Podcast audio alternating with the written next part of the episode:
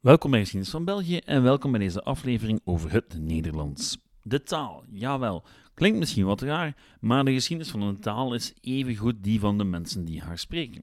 Taalgeschiedenis is dus tegelijkertijd cultuurgeschiedenis, sociale geschiedenis, politieke geschiedenis en nog veel meer. Het geeft ons bovendien de kans om in vogelvlucht nog maar eens door de Belgische en Nederlandse geschiedenis te vliegen. Bij gevolg hebben we het over Germaanse barbaren, middeleeuws uit Nederlands, een stortvloed aan dialecten, woordenbokken en de Belgische taalstrijd. Dat en nog veel meer in deze aflevering van Geschiedenis van België.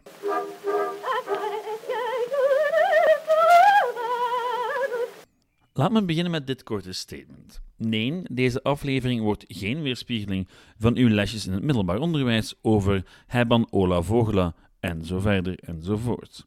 Toen mijn vrouw vertelde dat ik de geschiedenis van het Nederlands zou aanpakken, rolde die zowaar eventjes met haar ogen, om vervolgens oprecht te vragen hoe en waarom dat interessant zou zijn. Wel, zoals u misschien al weet, ben ik van mening dat alles geschiedenis is. Ook taal dus. En die taal is ook niet onbelangrijk als we het hebben over Belgische en Vlaamse geschiedenis. Begin doen we dus met de vroege voorgeschiedenis van het Nederlands. Maar de tweede helft van de aflevering is voorbehouden voor het moderne Nederlands. Want het Nederlands dat ik momenteel gebruik om met u te communiceren, dat zowel Nederlanders als West-Vlamingen, Limburgers, Brabanders en Antwerpenaren kunnen begrijpen, is een opmerkelijk recent verschijnsel uit de 19e eeuw. Oh, en voor we beginnen wil ik me nog eventjes excuseren bij een luisteraar die niet zo gek was van mijn Middel-Nederlandse voorleeskunsten. Deze aflevering was al gepland voor ik dat mailtje kreeg, maar ik beloof plechtig dat ik na deze aflevering een tijdje stop met Middel-Nederlandse quotaties. Plechtig beloofd. Goed, hopelijk bent u nog steeds aan het luisteren en niet afgeschrikt door het angstbeeld om enkele van uw saaiste lessen Nederlands uit het middelbaar onderwijs te moeten herbeleven. Beginnen doen we met het Indo-Europees. Indo-Europees is een taalgroep waar een heleboel moderne talen uit ontstaan zijn. Gaande van Engels, Frans, Duits en Nederlands tot het Perzisch, Sanskriet, Bengaals en zelfs het Hindi. In het derde of tweede millennium voor Christus arriveerden de eerste sprekers van het Indo-Europees in Noord-Europa. Eenmaal verschillende groepen zich begonnen verspreiden over Noord-Europa, begon men langzaam maar zeker ook eigen varianten op dat Indo-Europees te ontwikkelen. Een van die varianten was het Proto-Germaans. Toen die eerste Germaanse groepen zich begonnen te verspreiden over een groter gebied en verdeeld raakten in verschillende groepen, ontwikkelden ook die groepen hun eigen varianten op het Proto-Germaans. West-Germaans bijvoorbeeld, waar Nederlands, maar ook het Engels uit is voortgekomen, of Noord-Germaans, waar de Scandinavische talen uit zijn voortgesproten. Nu, het is achteraf natuurlijk net iets te makkelijk om het van die duidelijke categorieën uit te pakken. Want ze zijn namelijk uitgevonden door 19e-eeuwse professoren die grip probeerden te krijgen op ontwikkelingen die zo'n 2000 jaar eerder plaatsvonden. Die oude indeling was in de praktijk waarschijnlijk een stuk minder hermetisch dan wij ons nu kunnen voorstellen. Het Nederlands zoals we het vandaag kennen is voorgekomen uit het Frankisch, wat een West-Germaanse taal was. En oké, taal is dan ook alweer een te brede term. Het ging vaak om lokale dialecten die verwant waren aan elkaar, maar geen echte gestandaardiseerde taal waren. Iets wat zich in de zuidelijke Nederlanden trouwens zou doorzetten tot in de 19e eeuw. Maar daarover later meer. Terug naar de Franken nu.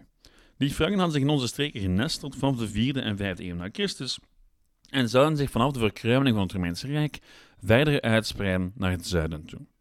De Franken zouden uiteindelijk een eigen mengtaal ontwikkelen om de grotendeels Latijn sprekende bevolking van hun nieuwe rijk te besturen: het Frans. In het noorden echter bleef hun oorspronkelijke taal bestaan. En langzaam maar zeker zou die verbasteren tot het Nederlands. Oké, misschien is Nederlands niet de juiste term. Want kijk, als we het hebben over taal in historisch perspectief, is er iets dat we altijd in het achterhoofd moeten houden hoe wij vandaag naar taal kijken. Als een gestandaardiseerd concept met duidelijke regels en woordenschat, waarvan we de details leren van op een vroege leeftijd op school, ja, dat is een relatief recent fenomeen. Goed, ook wij gebruiken lang niet altijd onze standaardtaal, maar ze vormt wel min of meer de basis van onze maatschappij. Wel, dat is eigenlijk een rariteit in de geschiedenis van de mensheid en een zeer recent verschijnsel. Taal was millennia lang een zeer natuurlijk verschijnsel, dat niet echt gevat werd in regeltjes of in boeken. Dit is zeker niet zo dat er plots iemand opdook, zo rond het jaar 500, en afkondigde dat men vanaf dan Nederlands sprak in de Lage Landen. Helemaal niet. Het Oud-Nederlands ontwikkelde zich vanuit het Frankisch, maar bleef eigenlijk lange tijd weinig meer dan een bonte verzameling van lokale dialecten. Maar goed, hoe klonk dat dan, Oud-Nederlands? Wel, hebben Ola Vogela nestans hagunan, hinase hik en datu, u ad umbidan ue nu. Ja, inderdaad, dat was hebben Ola Vogela nestas. Je kan er nu eenmaal niet omheen. Het versje is een van de eerste voorbeelden van geschreven Nederlands, al is er nog een ander. En die is nog een pak ouder dan Hebban Ola Vogela, maar wordt meestal niet gebruikt in het onderwijs, omdat hij nogal ja, verwarrend is voor ons. Hebban dateert van 1100, de doopgelofte van 800. En um, wel, hier komt ze. Probeert u maar eens er iets uit op te maken. Veel succes. Viskvlot aftar temo wateren, verbrusten sina weturen, togiledia ina use druten, tetsulo druten, titena wisk gehelda, tigile tahers teru spirialti. Amen. Nu goed, het kan en zal waarschijnlijk ook aan mijn uitspraak gelegen hebben, maar ik heb hier echt niks van begrepen zonder vertaling en u hoogstwaarschijnlijk ook niet. Het is dus duidelijk dat dat fragmentje voor hedendaagse Nederlandstaligen een stuk onverstaanbaarder is dan Hebban Ola Vogela. Nu, de vertaling die gaat als volgt. Een vis dreef over het water. Oké, okay. visk vlot aftar temo wateren. Als je erover nadenkt, dan hoor je al vis, visk, vlot, de float van het Engels, en wateren, eh, zitten wel in de buurt. Vermorzeld zijn vinnen. Verbroestan sina vetteron. Oké, je voelt dat er ook wel wat Duits in zit. Dan Togilelia ina usedroeten. Toen genas hem onze Heer. Ja, en dan wordt het wat moeilijker natuurlijk. En het gaat verder. Het gaat uiteindelijk over hoe het geloof in de Heer mensen kan genezen van alle ziektes enzovoort enzovoort. Nu, de belangrijkste reden dat u hier normaal gezien zeer weinig van begrepen heeft, is dat het geen puur oud-Nederlands is. Nu, wetenschappers hebben een heleboel invloeden van verschillende oud-Germaanse talen in dit fragment teruggevonden. Oud-Hoogduits, Oud-Saxisch, Oud-Fries en natuurlijk ook Oud-Nederlands. Voor ons maakt dat van deze tekst iets zeer verwarrends. Maar voor de monniken die hem opschreven en overschreven, was het de logica zelf. Want al die talen zaten toen nog zeer dicht bij elkaar. Men kon gerust enkele woorden gebruiken uit het Oud-Saxisch, want ja, dat was nu eenmaal een zeer dichte buur. Zowel qua woordenschat als qua grammatica. Nu goed, dat begon allemaal te veranderen vanaf de 12e eeuw. En die 12e eeuw is dus het moment waarop taalwetenschappers hun arbitraire lijn leggen om het onderscheid te maken tussen Oud-Nederlands en Middel-Nederlands. En dat Middel-Nederlands werd al snel een stuk verstaanbaarder voor de moderne aanhoorder. Klinkers werden anders uitgesproken. Hebban werd hebben, vogela werd vogels enzovoort. En dat is niet het enige verschil met het Oud-Nederlands. De taal werd voor het eerst ook actief gebruikt in de administratie. Maar tevoren alles nog in het Latijn gebeurde, begonnen vanaf de 13e eeuw een heleboel steden hun wetten en actes op te stellen in hun lokale versie van het Nederlands. Dat had natuurlijk ook alles te maken met de opkomst van de steden tijdens die periode. Zij trokken steeds meer macht naar zich toe en kregen, ook in die 13e eeuw, steeds meer het recht om zichzelf te besturen. Steden als Gent en Brugge, die toen hun grote bloei doormaakten, adapteerden als eerste het Nederlands als bestuurstaal. Klinkt allemaal als een zeer grote vooruitgang, maar oké, er waren nog een heleboel belangrijke verschillen tussen dat Nederlands en ons Nederlands. De grammatica, wel, die lag nog veel dichter bij het Duits. U weet wel, datief, accusatief en andere nachtmerries uit mijn tienerjaren. Daarbovenop had je ook nog eens een dubbele ontkenning, zoals je die nu nog altijd hebt in het Afrikaans. Tegelijkertijd kunnen we ook al vijf verschillende dialectgroepen onderscheiden. Het Brabants, het Hollands, het Limburgs, het Oost-Middel-Nederlands en het Vlaams. Goed. Tot daar dit relatief klassieke beeld, dat u misschien nog kende uit het middelbaar. Maar nu, na het Middel-Nederlands, wordt het boeiend. Tot nu toe liep die ontwikkeling van het Nederlands in Noord en Zuid min of meer gelijk. Wel, gelijk, het is een groot woord.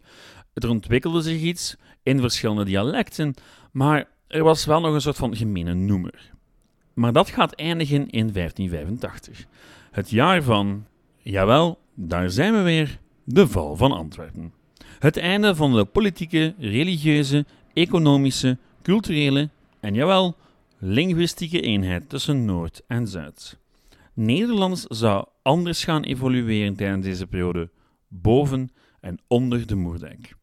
Wel, het is te zeggen, ehm, in het zuiden zou het min of meer blijven stilstaan, terwijl het in het noorden van een bonte verzameling dialecten zou uitgroeien tot een volwaardige taal. En dat is een zeer belangrijke evolutie.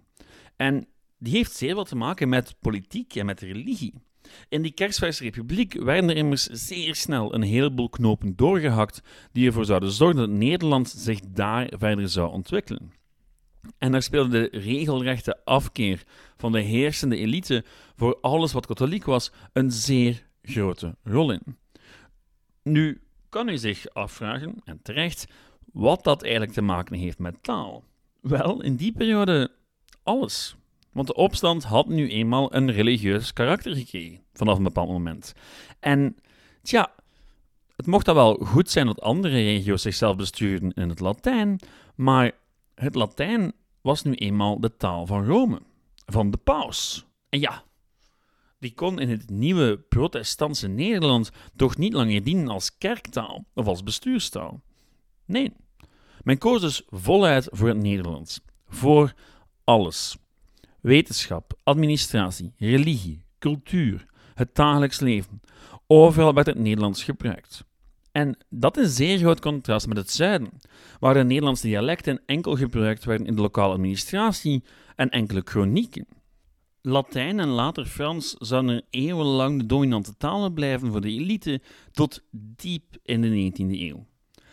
Om die taal, het Nederlands in het noorden, al die rollen te laten spelen, waren natuurlijk een heleboel wijzigingen nodig.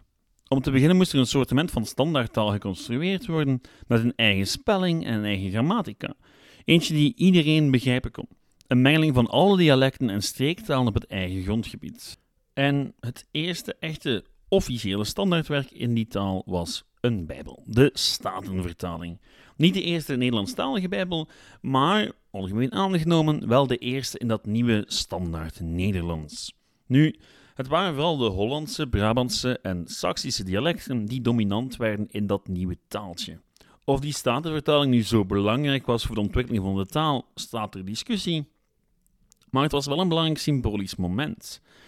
Al moet gezegd zijn dat niet de hele bevolking echt volgde in heel die eenmakingsbeweging.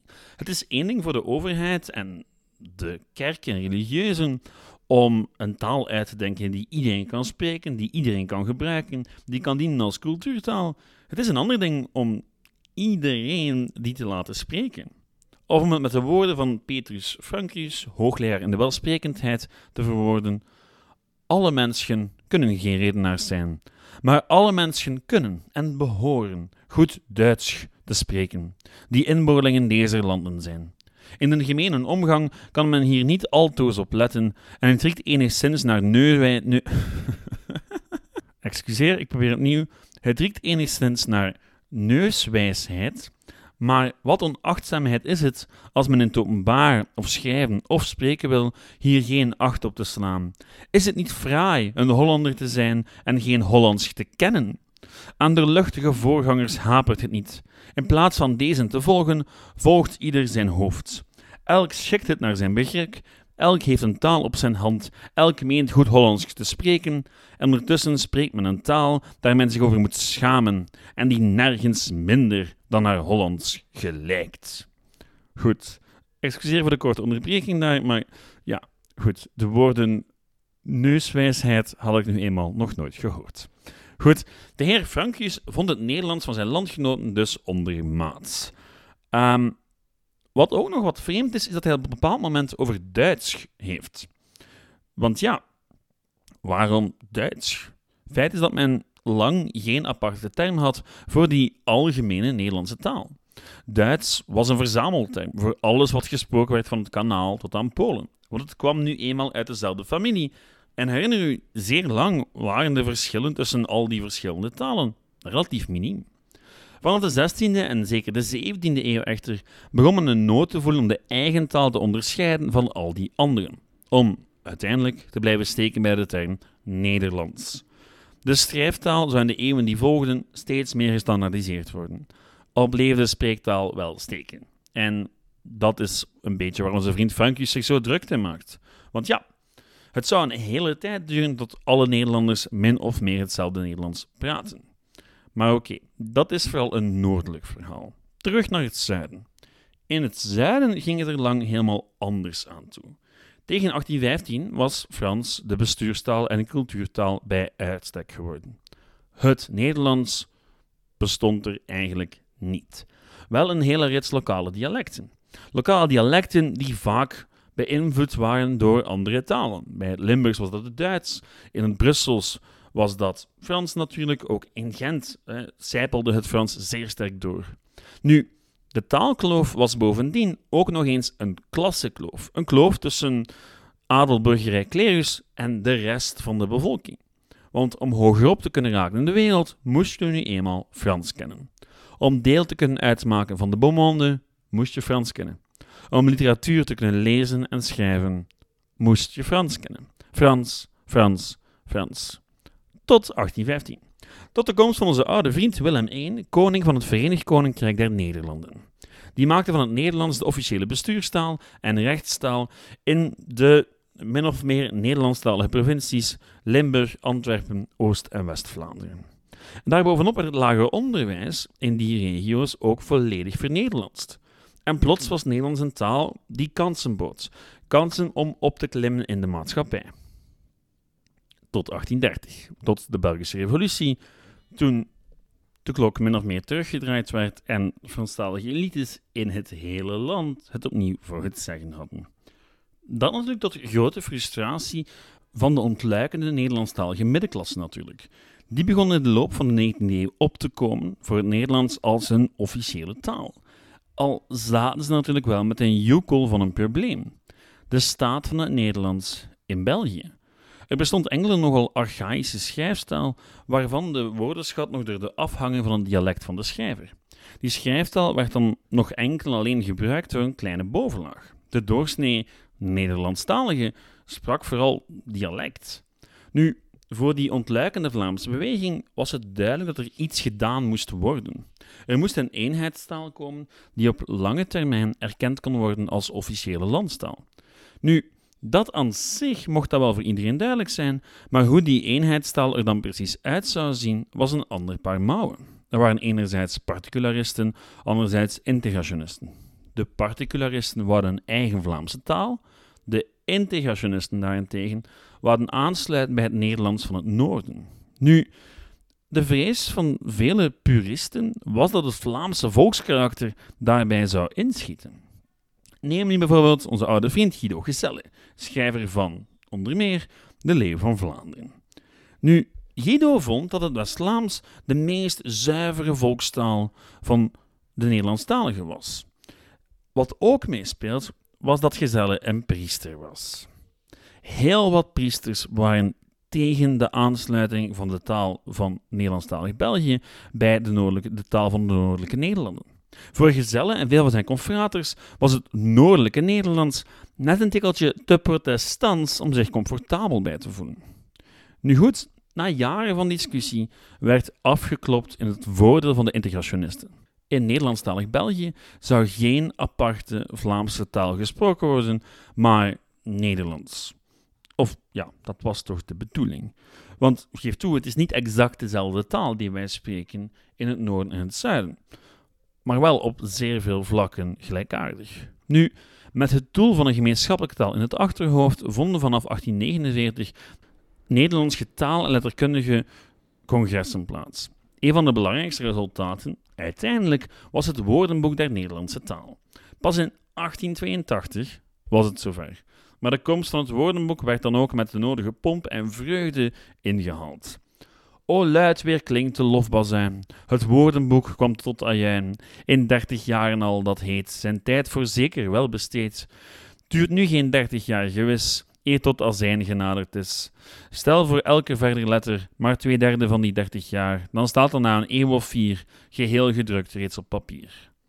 Het was het begin van een samenwerking op taalvlak tussen België en Nederland die voortduurt tot op de dag van vandaag. Niet dat we exact dezelfde taal spreken, maar het is dezelfde grammatica en voor een groot stuk dezelfde woordenschat. En we delen ook cultuur. Ja, voor een stukje. Niet volledig. Maar goed, acteurs, zangers, tv-programma's, comedians, schrijvers en zoveel meer steken relatief makkelijk de grens over. Al is er nog een groot verschil tussen het gedeelde standaard Nederlands van in de Vandalen en het Groene Boekje en het Nederlands dat men dagelijks gebruikt. En dan heb ik nog niet eens gehad over de nog steeds bestaande dialecten. Want ja, echt West-Vlaams is voor een groot deel van het Nederlandse taalgebied nog steeds compleet onverstaanbaar. Maar dat zijn zeer boeiende onderwerpen voor een andere keer. Want er valt veel meer te vertellen, maar ik ga het vandaag hierbij houden. Volgende week starten we met een nieuwe reeks. Een reeks over de Bourgondiërs. Jawel, het is zover. Ook ik ga me wagen aan het populairste Belgische geschiedenisonderwerp van de voorbije jaren. Maar wel op een eigen manier. Verwacht u dus zeker niet aan een doorslagje van de podcast en het boek van Bart van Loo. Tof werk, daar niet van, maar er valt nog een boel meer te zeggen over die dynastie en de periode waarin ze regeerden. Om nog maar te zwijgen over hoe de steden de hele periode ervaren. En daar ga ik dus op focussen. Niet zozeer op de dynastie en alles rond, maar op hoe de bevolking dat ervaart en wat er allemaal veranderde. En waarom het vanuit een zeker perspectief misschien wel een dramatische periode te noemen is. Goed, verwacht u dus aan een verhaal vol opstanden en stedelijke frustraties. Dat is voor volgende week. Met vragen en opmerkingen kan u nog steeds terecht bij het e-mailadres geschiedenisvan.outlook.be, Facebook Geschiedenis van België en de website geschiedenisvan.be. Bedankt voor het luisteren en tot volgende week. Ciao!